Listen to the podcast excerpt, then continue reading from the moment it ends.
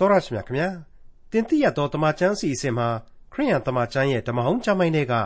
ဟေရှာယအနာဂတိကျမ်းကိုလေ့လာပြီးစီးခဲ့ပါပြီဆက်လက်ပြီးတင်တိရတော်တမချန်းစီအစဉ်မှာခရိယန်တမချန်းရဲ့ဓမ္မသစ်ကျမ်းပိုင်းတွေကတက်တာလုံးနေဩဝါဒစာပထမဆောင်ကိုဆက်လက်လေ့လာသွားမှာဖြစ်ပါတယ်တက်တာလုံးနေဩဝါဒစာပထမဆောင်ကိုမလေ့လာမီတက်တာလုံးနေဩဝါဒစာပထမဆောင်လေ့လာမှုဏ္ဍန်ပိုင်းကို ဒီကနေ့သင်သိရသောတမန်ကျမ်းစီအစဉ်မှာဥစွာလေ့လာမှာဖြစ်ပါတယ်။တမန်ကျမ်းထဲမှာတက်တာလောနေလို့ဖော်ပြထားတဲ့အယက်ဒေတာဟာအခုအချိန်ခါမှာဘယ်အယက်ဒေတာဖြစ်နေပါသလဲ။လူသားတိုင်းရဲ့ကယ်တင်ရှင်သခင်ယေရှုခရစ်တော်ရဲ့တမန်တော်ကြီးရှင်ပေါလုဟာဒီဩဝါဒစာကိုဘယ်တော့မှရေးသားခဲ့တယ်လဲ။ဘာကြောင့်လဲစတဲ့တိမတ်ဖွယ်ရာစိတ်ဝင်စားဖွယ်ရာအကြောင်းချင်းရာများရဲ့တမိုင်းနောက်ခံတွေးရှိချက်များစုံစုံလင်လင်နဲ့အတူခ ရိယန်တမန်ကျမ်းရဲ့ဓမ္မသစ်ကျမ်းပိုင်းတွေကတက်တာလောနိဩဝါဒစာပထမဆောင်လေ့လာမှုဏ္ဍန်ပိုင်းကိုဒေါက်တာထွန်းမြတ်အေးကအခုလိုလေ့လာတင်ပြมาဖြစ်ပါတယ်ချစ်တော်မူသောယေရှုရှင်ဖတ်မြတ်စွာဘုရားသခင်ပြုတော်မူသောကျေးဇူးတော်များများကြောင့်သင်သိရသောသမာကျမ်းသင်ခန်းစာများတို့ကိုကျွန်တော်တို့သည်အချိန်မှန်လေ့လာခွင့်ရရှိလျက်ရှိနေပါ၏ကိုရရှင်ပို့ဆောင်တော်မူခြင်းအပြင်ယခုအချိန်တွင်ဓမ္မသစ်ကျမ်းများ၏ဩဝါဒကျမ်းကြီးဖြစ်သော သက်သာလောနိဩဝါဒစာများကိုလေ့လာရတော်မူဖြစ်ပါ၏ကျေးဇူးတော်ကိုချီးမွမ်းပါ၏ဤအစီအစဉ်များတစ်ခုစီအပေါ်မှာကိုရရှင်ကောင်းကြီးမင်္ဂလာပေးတော်မူပါနာတော်တဆင်နေသောသူများအားလုံးတို့အတွက်အသစ်သောဝိညာဉ်ခွန်အားများကိုကိုရရှင်ချပေးမဆသနာတော်မူသည်သာမကရရှိခံစားရသောဝိညာဉ်ခွန်အားများဖြင့်ကိုရရှင်ကျေးဇူးတော်ကိုပိုး၍သိနာလေသောသူများကျေးဇူးကိုတုံ့ပြန်နိုင်သောသူများဖြစ်ဖို့ရန်ကိုရရှင်ပြုပြင်၍ပေးတော်မူပါ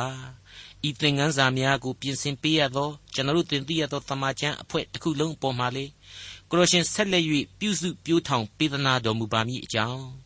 ကယ်တင်ရှင်သခင်ခရစ်တော်၏မဟာနာမတော်မြတ်ကိုအမိပြု၍အလွန်ယိုသည်လေးမြတ်ခြင်းဖြင့်ဤအစီအစဉ်များကိုဆက်ကပ်အနှံကြပါသည်အဖဖျားအာမင်သင်သိရသောတမန်ကျမ်းများကိုလေ့လာနေကြတဲ့သောတရှင်မိတ်ဆွေအပေါင်းတို့ခမညာသက်ကရေအားဖြင့် AD 52ခုနှစ် သို့မဟုတ်53ခုနှစ်လောက်မှစတင်ရေးသားခဲ့တဲ့ဩဝါဒကျမ်းစာမို့လို့တမန်တော်ကြီးရဲ့အစောဆုံးသောဩဝါဒတဆူလို့ကျွန်တော်ဆိုခြင်းတဲ့တက်သာလောနိဩဝါဒစာရဲ့အခန်းကဏ္ဍကိုကျွန်တော်ဒီကနေ့ဖွင့်လှစ်ကြရတော့မှာပါတက်သာလောနိသို့မဟုတ်သက်ဆာလောနိကာလို့ခေါ်ပေါ်တဲ့အရာဒေသဟာဒီကနေ့အချိန်မှာတော့ Greek ကျွန်းစုရဲ့နိုင်ငံအစိတ်အပိုင်းတစ်ခုဖြစ်တယ်ရှေးကာလတုန်းကတော့မြို့ပြနိုင်ငံတော်လို့သိကြယက်တီခဲ့လေသလား ဘယ်သူဘယ်ဝါသောနိုင်ငံနဲ့ပူးတွဲရပ်တည်ခဲ့တယ်လဲဆိုတာတွေဟာသိပ်ပြီးတော့မသေးကြလှပါဘူးပမာပြောရမယ်ဆိုရင်ဒီကနေ့အီတလီဆိုတာဟာရှေးခေတ်ကယောမဗက်နစ်ဂျီနိုဝါစတဲ့မြို့ပြနိုင်ငံငယ်ကလေးတွေစုပေါင်းပြီးမှတည်ထောင်လိုက်တာဖြစ်တယ်ဂျီနိုဝါဇာတိမှုလို့အီတလီယန်လူမျိုးဆိုပြီးတော့သတ်မှတ်ရမယ်ကမ္ဘာရေချောင်းသိပ္ပံပညာရှင်ကြီးကိုလံဘတ်ကြတော့အမှန်တကယ်သူသစ္စာခံခဲ့တဲ့သမိုင်းမှာ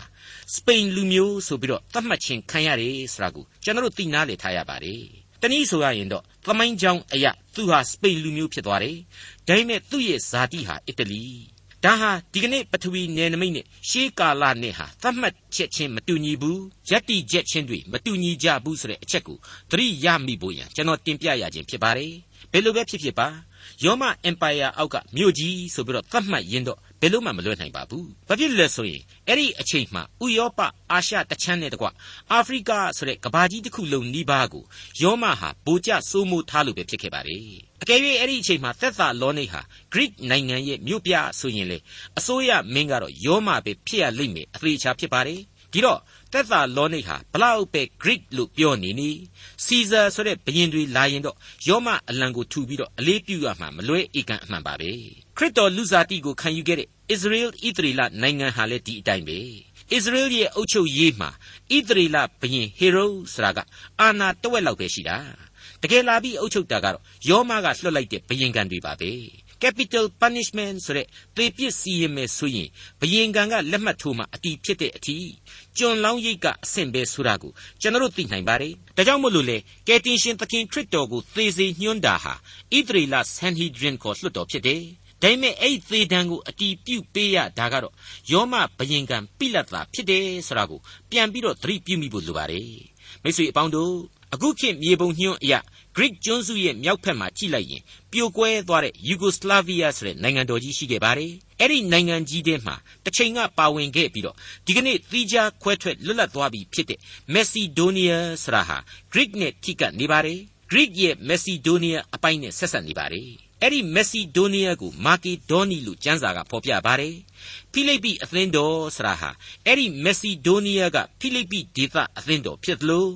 အခုသက်သာလောနိတ်ဆိုတာဟာလေဖိလိပ္ပိရဲ့အနောက်ဘက်မိုင်တရာလောက်အကွာမှာတည်ရှိတယ်။အဲ့ဒီခေတ်မှာမာကေဒေါနိပြည်ရဲ့အဓိကရမြို့ကြီးဖြစ်ခဲ့တယ်လို့ကျွန်တော်တို့သိရပါတယ်။ဒီတော့အဲ့ဒီရှေးကာလပထဝီပိုင်းခြားမှုအရာမာကေဒေါနိပြည်ကမြို့ကြီးသက်သာလောနိတ်ဟာ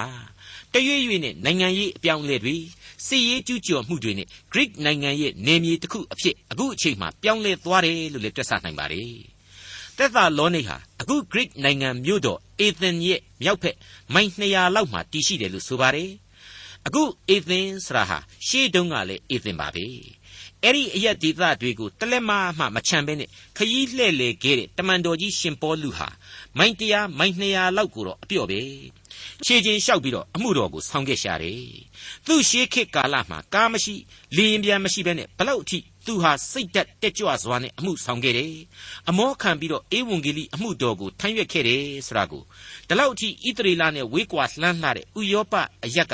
တမျိုးနဲ့တမျိုးအကွာအဝေးတွေအပြင်ချင့်တွက်နိုင်တယ်လို့ကျွန်တော်ဒီနေရာမှာဆိုချင်ပါတယ် မိษွေအပေါင်းတို့ယောမရဲ့အုပ်ချုပ်မှုအာဏာစက်မှာရောက်နေပေမဲ့ယောမတွေခေါင်းမထောင်ခင်ကတည်းကလွှမ်းမိုးလာခဲ့တဲ့ Greek ယဉ်ကျေးမှုဆိုတာကိုကြပြန်တော့ယောမအာဏာဟာမထိုးဖောက်နိုင်ဘူးအဲ့ဒီခါမှာယောမတွေဟာလေနေချက်ဝါဒတို့ရဲ့ထုံးစံအတိုင်းပဲလုံခြုံရေးကိုဦးစားပေးပြီးတော့တင်ကြက်တယ်ယောမအစားအသောက်အနေအထိုင်ယောမစီကံတွေနဲ့အချက်အချာကျတဲ့မြို့ကြီးတွေကိုထိုးဖောက်တယ်ယောမပုံစံမျိုးသစ်တွေကိုတည်ခဲ့တယ်ဆိုတာကိုကျွန်တော်ခံမှန်းနိုင်ပါတယ် ဒါကိုလည်းဥပမာပေးရအောင်မယ်ဆိုရင်ဣသရေလနိုင်ငံရဲ့ဂါလိလဲအိုင်ကြီးကိုတောင်မှယောမဧကရဲ့တိုက်ဘေးရီးယပ်စီဇာရဲ့နာမည်နဲ့တိဘေရီရေအိုင်ဆိုပြီးတော့နာမည်ပြောင်းခဲ့တာဣသရေလရဲ့ပင်လယ်ကမ်းခြေတနေရာမှာစီဇာရီယာလို့ခေါ်တဲ့ကဲသရီမြို့တော်ကြီးကိုတီထောင်ခဲ့တာတွေ့ကိုကျွန်တော်အမှတ်ရကြပါဆင်ခြင်စဉ်းစားကြည့်ကြပါဒါတွေကိုကျွန်တော်အခုလိုဖော်ပြနေတာကတော့သက်သာလောနေဆိုတဲ့မြို့ဟာရှင်ပေါလုခေတ်မှာ Greek ယဉ်ကျေးမှုသိပ်ပြီးတော့လွှမ်းမိုးတယ် တစ်ချိန်တည်းမှာပဲယောမရဲ့အငွေ့အသက်တွေဟာလည်းအများကြီးတွေ့ရတယ်ဆိုတဲ့မြို့ကြီးတွေထဲမှာထင်ရှားတဲ့မြို့ကြီးတစ်မြို့အဖြစ်သိပါပေါ်လွင်စေခြင်းလို့ပါပဲဟုတ်ပါတယ်မာကတ်စီဇာရိုဆိုတဲ့အလွန်ထင်ရှားတဲ့ယောမနိုင်ငံရေးသူခမိန်စာရေးဆရာကြီးတယောက်ဟာသက်သာလောနေဆိုတဲ့မြို့ဟာတော့ယောမအင်ပါယာကြီးတစ်ခုလုံးရဲ့မျက်နှိုးရမြေပဲဆိုပြီးတော့သတ်မှတ်ဖော်ပြထားတာကိုတွေ့နိုင်ပါတယ် သက်သာလောနေဆိုတဲ့အမည်ကိုကလည်းအတော်လေးချစ်စရာကောင်းတယ်လို့ကျွန်တော်ဆိုချင်ပါတယ်သက်သာလောနှိပ်မှာဆိုရင်ရေပူစမ်းကလေးတွေအများကြီးရှိတဲ့အတွက်ကြောင့် Greek ဝေါ်ဟာရအရာ farmer ဆိုပြီးတော့ပထမပိုင်းမှာအမည်ခေါ်တွင်ခဲ့ပါတယ်ဒါပေမဲ့ Greek ဘုရင် AK Alexander the Great ရဲ့ Greek နိုင်ငံတော်ကြီးကို Greek တို့စတင်ချိနဲ့အားပြော့ဂါဇာ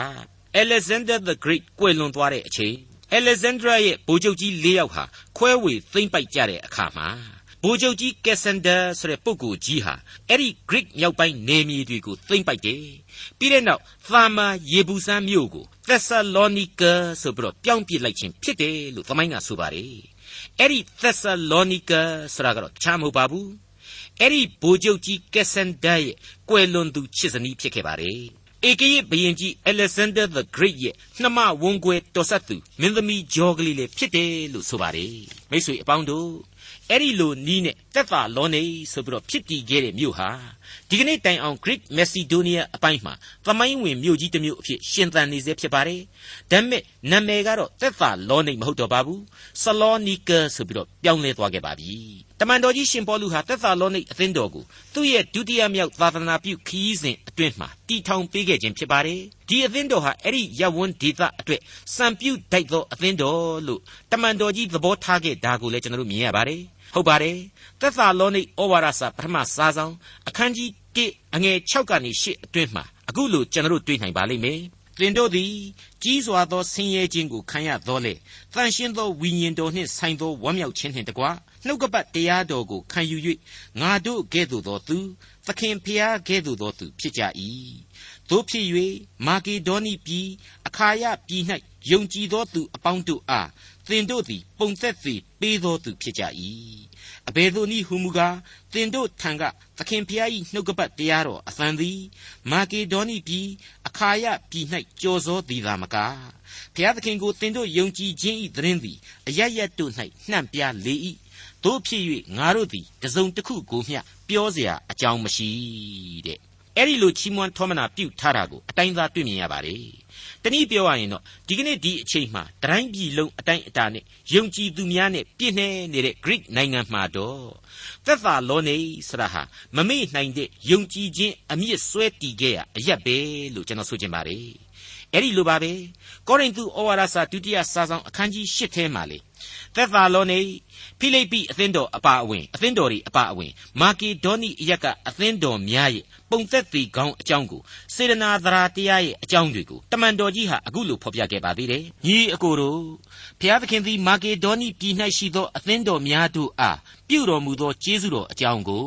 ငါတို့သည်သင်တို့အားကြားပြောကြ၏။ထိုအသင်းတော်တို့သည် ညှင်းဆဲခြင်းအပြင်များစွာသောစုံစမ်းခြင်းကိုခံရတော်လေအလွန်ကြီးသောဝမ်းမြောက်ခြင်းနှင့်ဥစ္စာပြုံးတည်သောဆင်းရဲခြင်းအကြောင်းသည်သူတို့၏စွန့်ကြဲပေးကမ်းခြင်းစည်းစိမ်ကိုဖြစ်စေ၍ကြွယ်ဝပြည့်စုံ၏ အကြောင်းမူကားသူတို့သည်တတ်နိုင်သမျှတက်မကအလိုအလျောက်စွန့်ကြဲခြင်းသောစေတနာစိတ်ရှိကြသည်ဟုငါသည်သက်သေခံ၏သူတို့အလှူဒါနကိုငါတို့သည်ယူ၍သူတို့နှင့်ကူညီလျက်တန်ရှင်းသူတို့အားလှုပ်ကြွေးခြင်းအမှုကိုဆောင်ရွက်မည်အကြောင်းသူတို့သည်တိုက်တွန်းသွေးဆောင်သောစကားများအပြင်ငါတို့ကိုတောင်းပန်ကြ၏ ထို့သောပြုကြသောငါတို့မျှော်လင့်သည့်အတိုင်းတည်းမကပြု၍ဖျားသခင်အလိုတော်နှင့်အညီရှေးဥစွာသခင်ဖျား၌၎င်းငါတို့၌၎င်းမိမိတို့ကိုမိမိတို့လှူကြ၏တဲ့ယုံကြည်ခြင်းရှိတယ်ယုံကြည်ခြင်းနဲ့ဆိုင်တဲ့ကိုခြင်းတရားရှိတယ်အဲ့ဒီခါမှာတော့မေတ္တာစေတနာတို့ပွားများလာကြရတယ်ဆိုတာကိုကျွန်တော်လက်တွေ့မြင်ရခြင်းပါပဲမိတ်ဆွေအပေါင်းတို့တမန်တော်ကြီးရှင်ပေါလုရဲ့ တမန်တော်ကြီးရှင်ဘာနဘတို့ရဲ့ဟာဒုတိယမြောက်သာသနာပြုခရီးစဉ်မှာလမ်းခွဲခဲ့ကြပြီးတဲ့နောက်ရှင်ပေါလုဟာသိလာကိုခေါ်တယ်ပြီးတဲ့နောက်လန်ခရီးမှာတိမောသေဆရာဝန်ဒေါက်တာလုကာတို့ကိုခေါ်ပြီးတော့ဂလာတိနယ်မြေတွေကိုတကြော့ပြန်ပြန်ပြီးတော့ခရီးပြုခဲ့ကြပါတယ်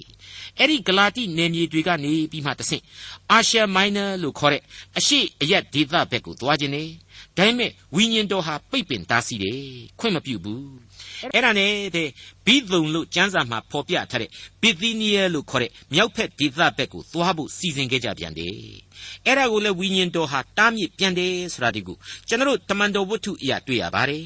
တနည်းအားဖြင့်အာရှမိုင်းနာဒေသကြီးမှာမင်းခဏနေအောင်ဥရောပဘက်ကိုသွားအောင်ဆိုပြီးတော့ဘုရားသခင်စီရင်တော်မူခြင်းပါပဲ ဒီအကြောင်းတွေကိုတမန်တော်ဝတ္ထုဖော်ပြချက်တွေအရအခုလိုကျွန်တော်ပြန်ပြီးတွေ့ရပါတယ်တမန်တော်ဝတ္ထုအခန်းကြီး16အငယ်9မှ10ကိုပြန်ပြီးတော့ကြည့်ကြပါထို့သောအသင်းတော်တို့သည်ယုံကြည်ခြင်း၌တည်ကြည်မြဲမြံသည်ဖြစ်၍အရေးအတွက်အားဖြင့်တနေ့တည်းတနေ့တိုးပွားများပြားကြ၏ ဖြူကြီးပြည်ဂလာတိပြည်ကိုလျှောက်သွားပြီးမှအာရှိပြည်၌နှုတ်ကပတ်တရားတော်ကိုမဟောစေခြင်းဟာတန်ရှင်းသောဝိညာဉ်တော်သည်မေတ္တာတော်မူသဖြင့်မုသိပြည်သို့ရောက်၍ဘိသုံပြည်သို့သွားမိပြုကြစဉ်ဝိညာဉ်တော်သည်အခွင့်ပေးတော်မမူသောကြောင့်မုသိပြည်အနားမှလျှောက်၍တယောမျိုးသို့ရောက်ကြ၏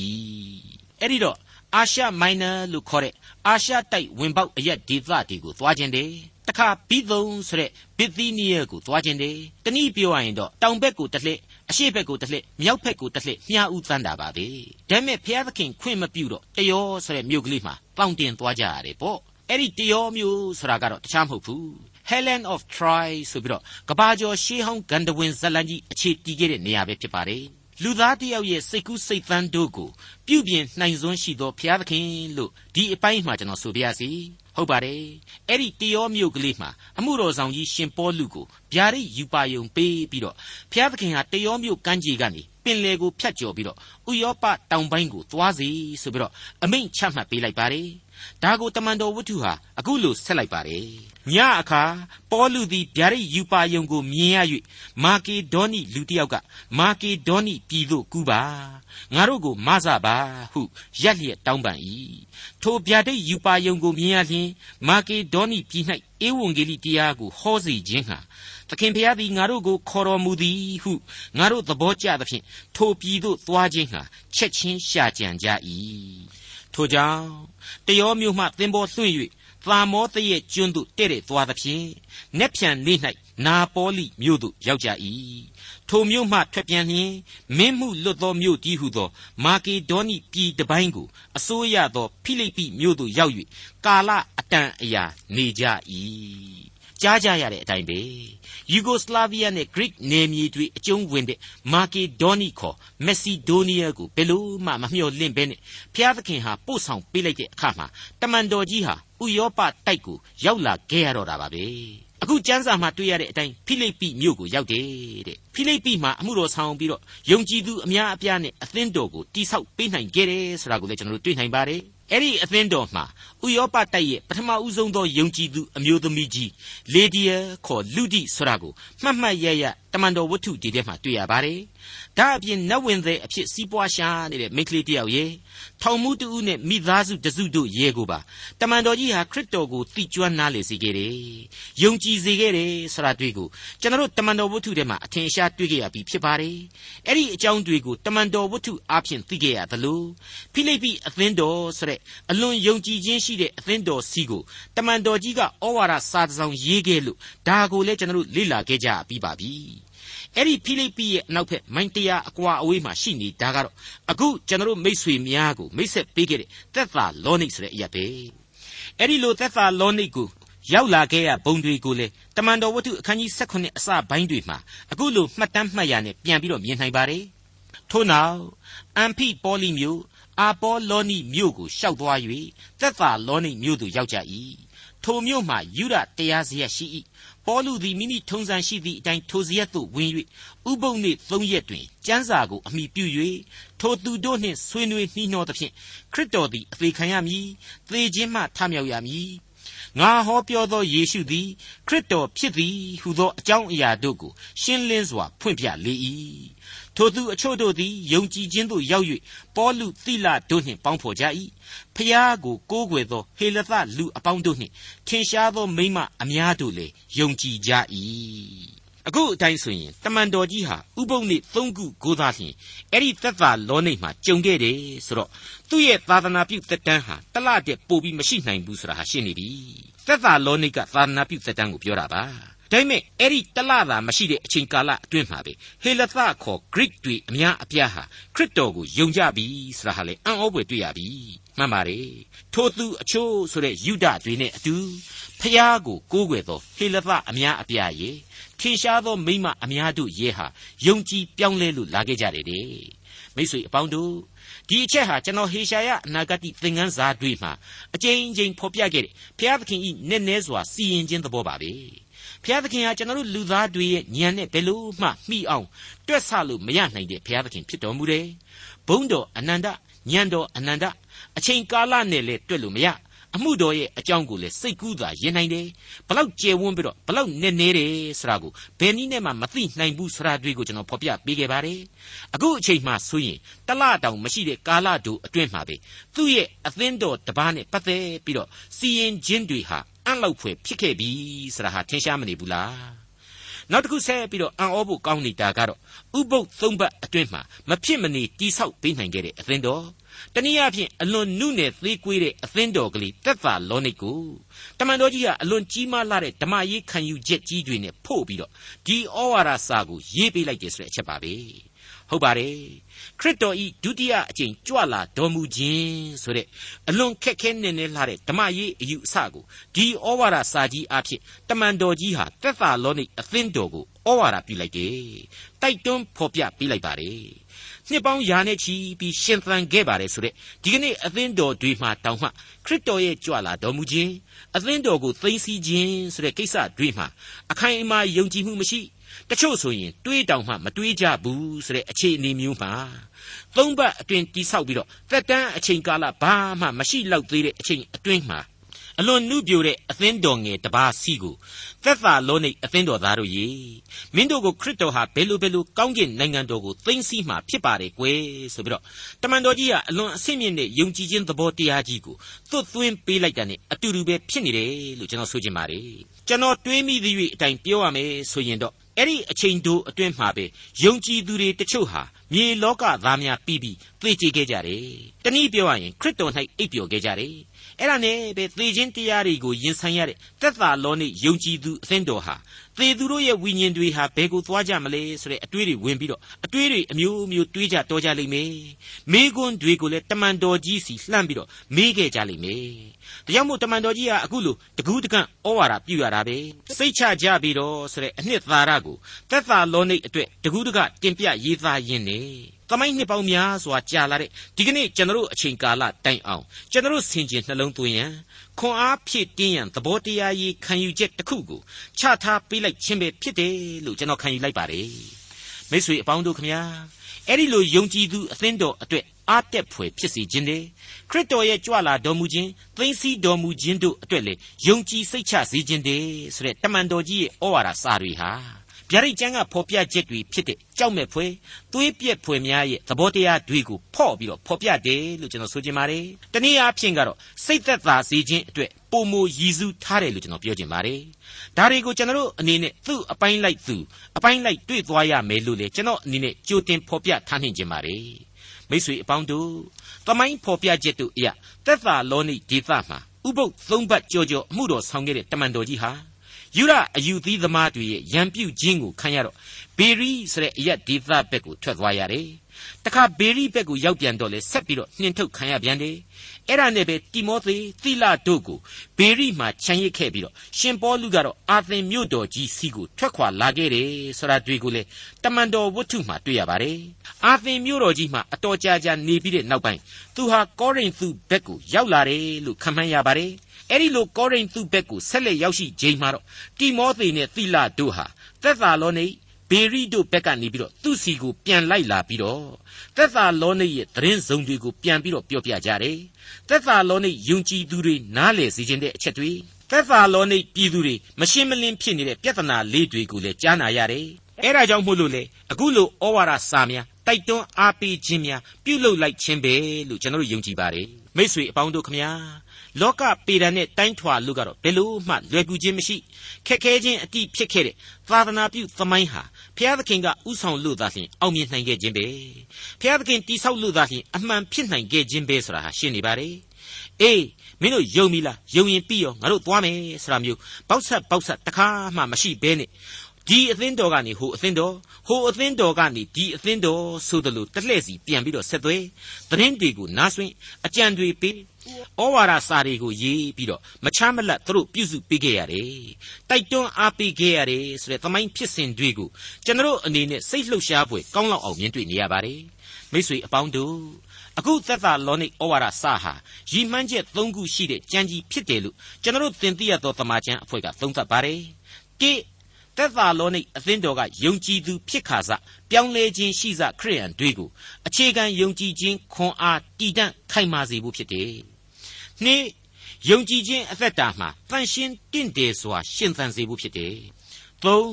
ကယ်တင်ရှင်သခင်ခရစ်တော်ရဲ့ဒုတိယအကြိမ်ကြွလာတော်မူခြင်းကိုတောင့်တမျှော်လင့်စေဖို့ဖြစ်တယ်လို့ကျွန်တော်တို့ဆိုချင်ပါတယ်။တည်တံ့ခြင်းတင့်တယ်ခြင်းနဲ့တန်တမျှော်လင့်ခြင်းဆိုရင်မှတ်ရတာအများကြီးလွယ်ကူသွားမှာပါ။မိတ်ဆွေအပေါင်းတို့ paganism and heathenism လို့ခေါ်ပေါ်တဲ့အဲ့ဒီခေတ်မှာအများဆုံးတွေ့ရတဲ့နတ်ကိုးကွယ်ခြင်းတွေရုပ်ထုကိုးကွယ်ခြင်းတွေ အဲ့ဒီအကျင့်ဒလိတွေကြားတဲ့ကလူအဖွဲ့အစည်းအတွက်အသက်ရှင်ခြင်းတရားအကြောင်းကိုပြောရတာဟာဘလောက်ခက်ခဲမယ်ဆိုတာကိုနားလေသဘောပေါက်နိုင်လောက်ပါတယ်အဲ့ဒီလိုထာဝရအသက်ရှင်ရာအသက်တာခံယူချက်တို့ဖြစ်ပေါ်ပြီးဆိုပြန်တော့လေဒီယုံကြည်ခြင်းကိုအားလျော့ခြင်းမရှိစေရဘူးစောစောကပြောခဲ့တဲ့အတိုင်းတည်တံ့သောယုံကြည်ခြင်းဖြစ်ဖို့တင့်တယ်သောရှင်သန်ခြင်းရှိဖို့ ਨੇ တန်တမျောလင့်ခြင်းရှိဖို့ဆိုတာဒီဟာဆက်လက်ပြီးတော့လိုအပ်တဲ့အချက်တွေအဖြစ်တွေ့လာရစမြဲပါပဲ ဒီတော့ဒီဩဝါဒစာကြီးကိုတမန်တော်ကြီးဟာမရေးမဖြစ်ရေးကိုရေးရလိမ့်မယ်မိษွေတော်တတ်ရှင်အပေါင်းတို့ခရစ်တော်ရဲ့ဒုတိယအကြိမ်ကြွလာတော်မူခြင်းဆိုတဲ့နေရာမှာကာကြီးအသင်းတော်ကိုသိသိခြင်းခါခွေတရားစီရင်၍ကောင်းကင်နိုင်ငံတော်ကိုမြေပေါ်မှာတည်ထောင်ခြင်းဆိုတဲ့အမှုတော်ကြီးနှစ်ခုရှိပါတယ်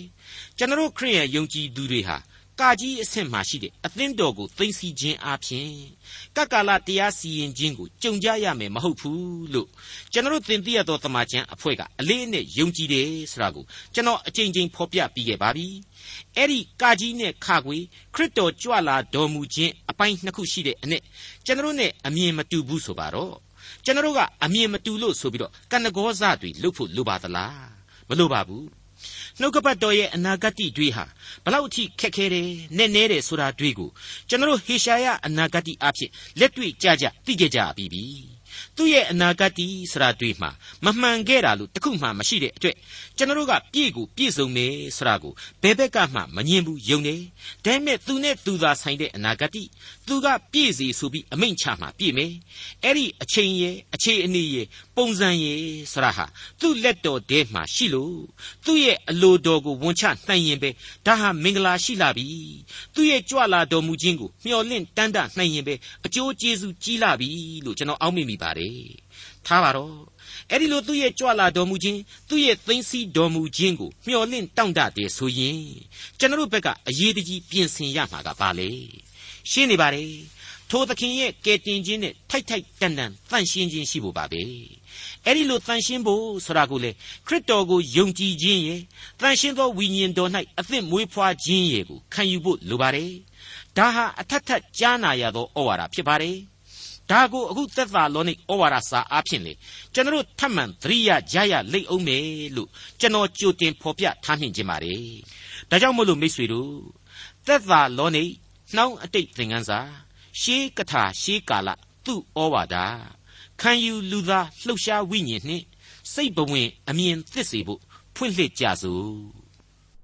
ဒေါက်တာထွန်းမြတ်ရေးစီစဉ်တင်ဆက်တဲ့တင်ပြတော်တမချန်းအစီအစဉ်ဖြစ်ပါတယ် နောက်တစ်ချိန်အစီအစဉ်မှာခရိယံတမချန်းရဲ့ဓမ္မသစ်ကျမ်းပိုင်းတွေကတက်တာလောနိဩဝါဒစာပထမဆုံးအခန်းကြီး1အခန်းငယ်1ကနေအခန်းငယ်4အထိကိုလေ့လာမှာဖြစ်တဲ့အတွက်စောင့်မျှော်နားဆင်နိုင်ပါတယ်။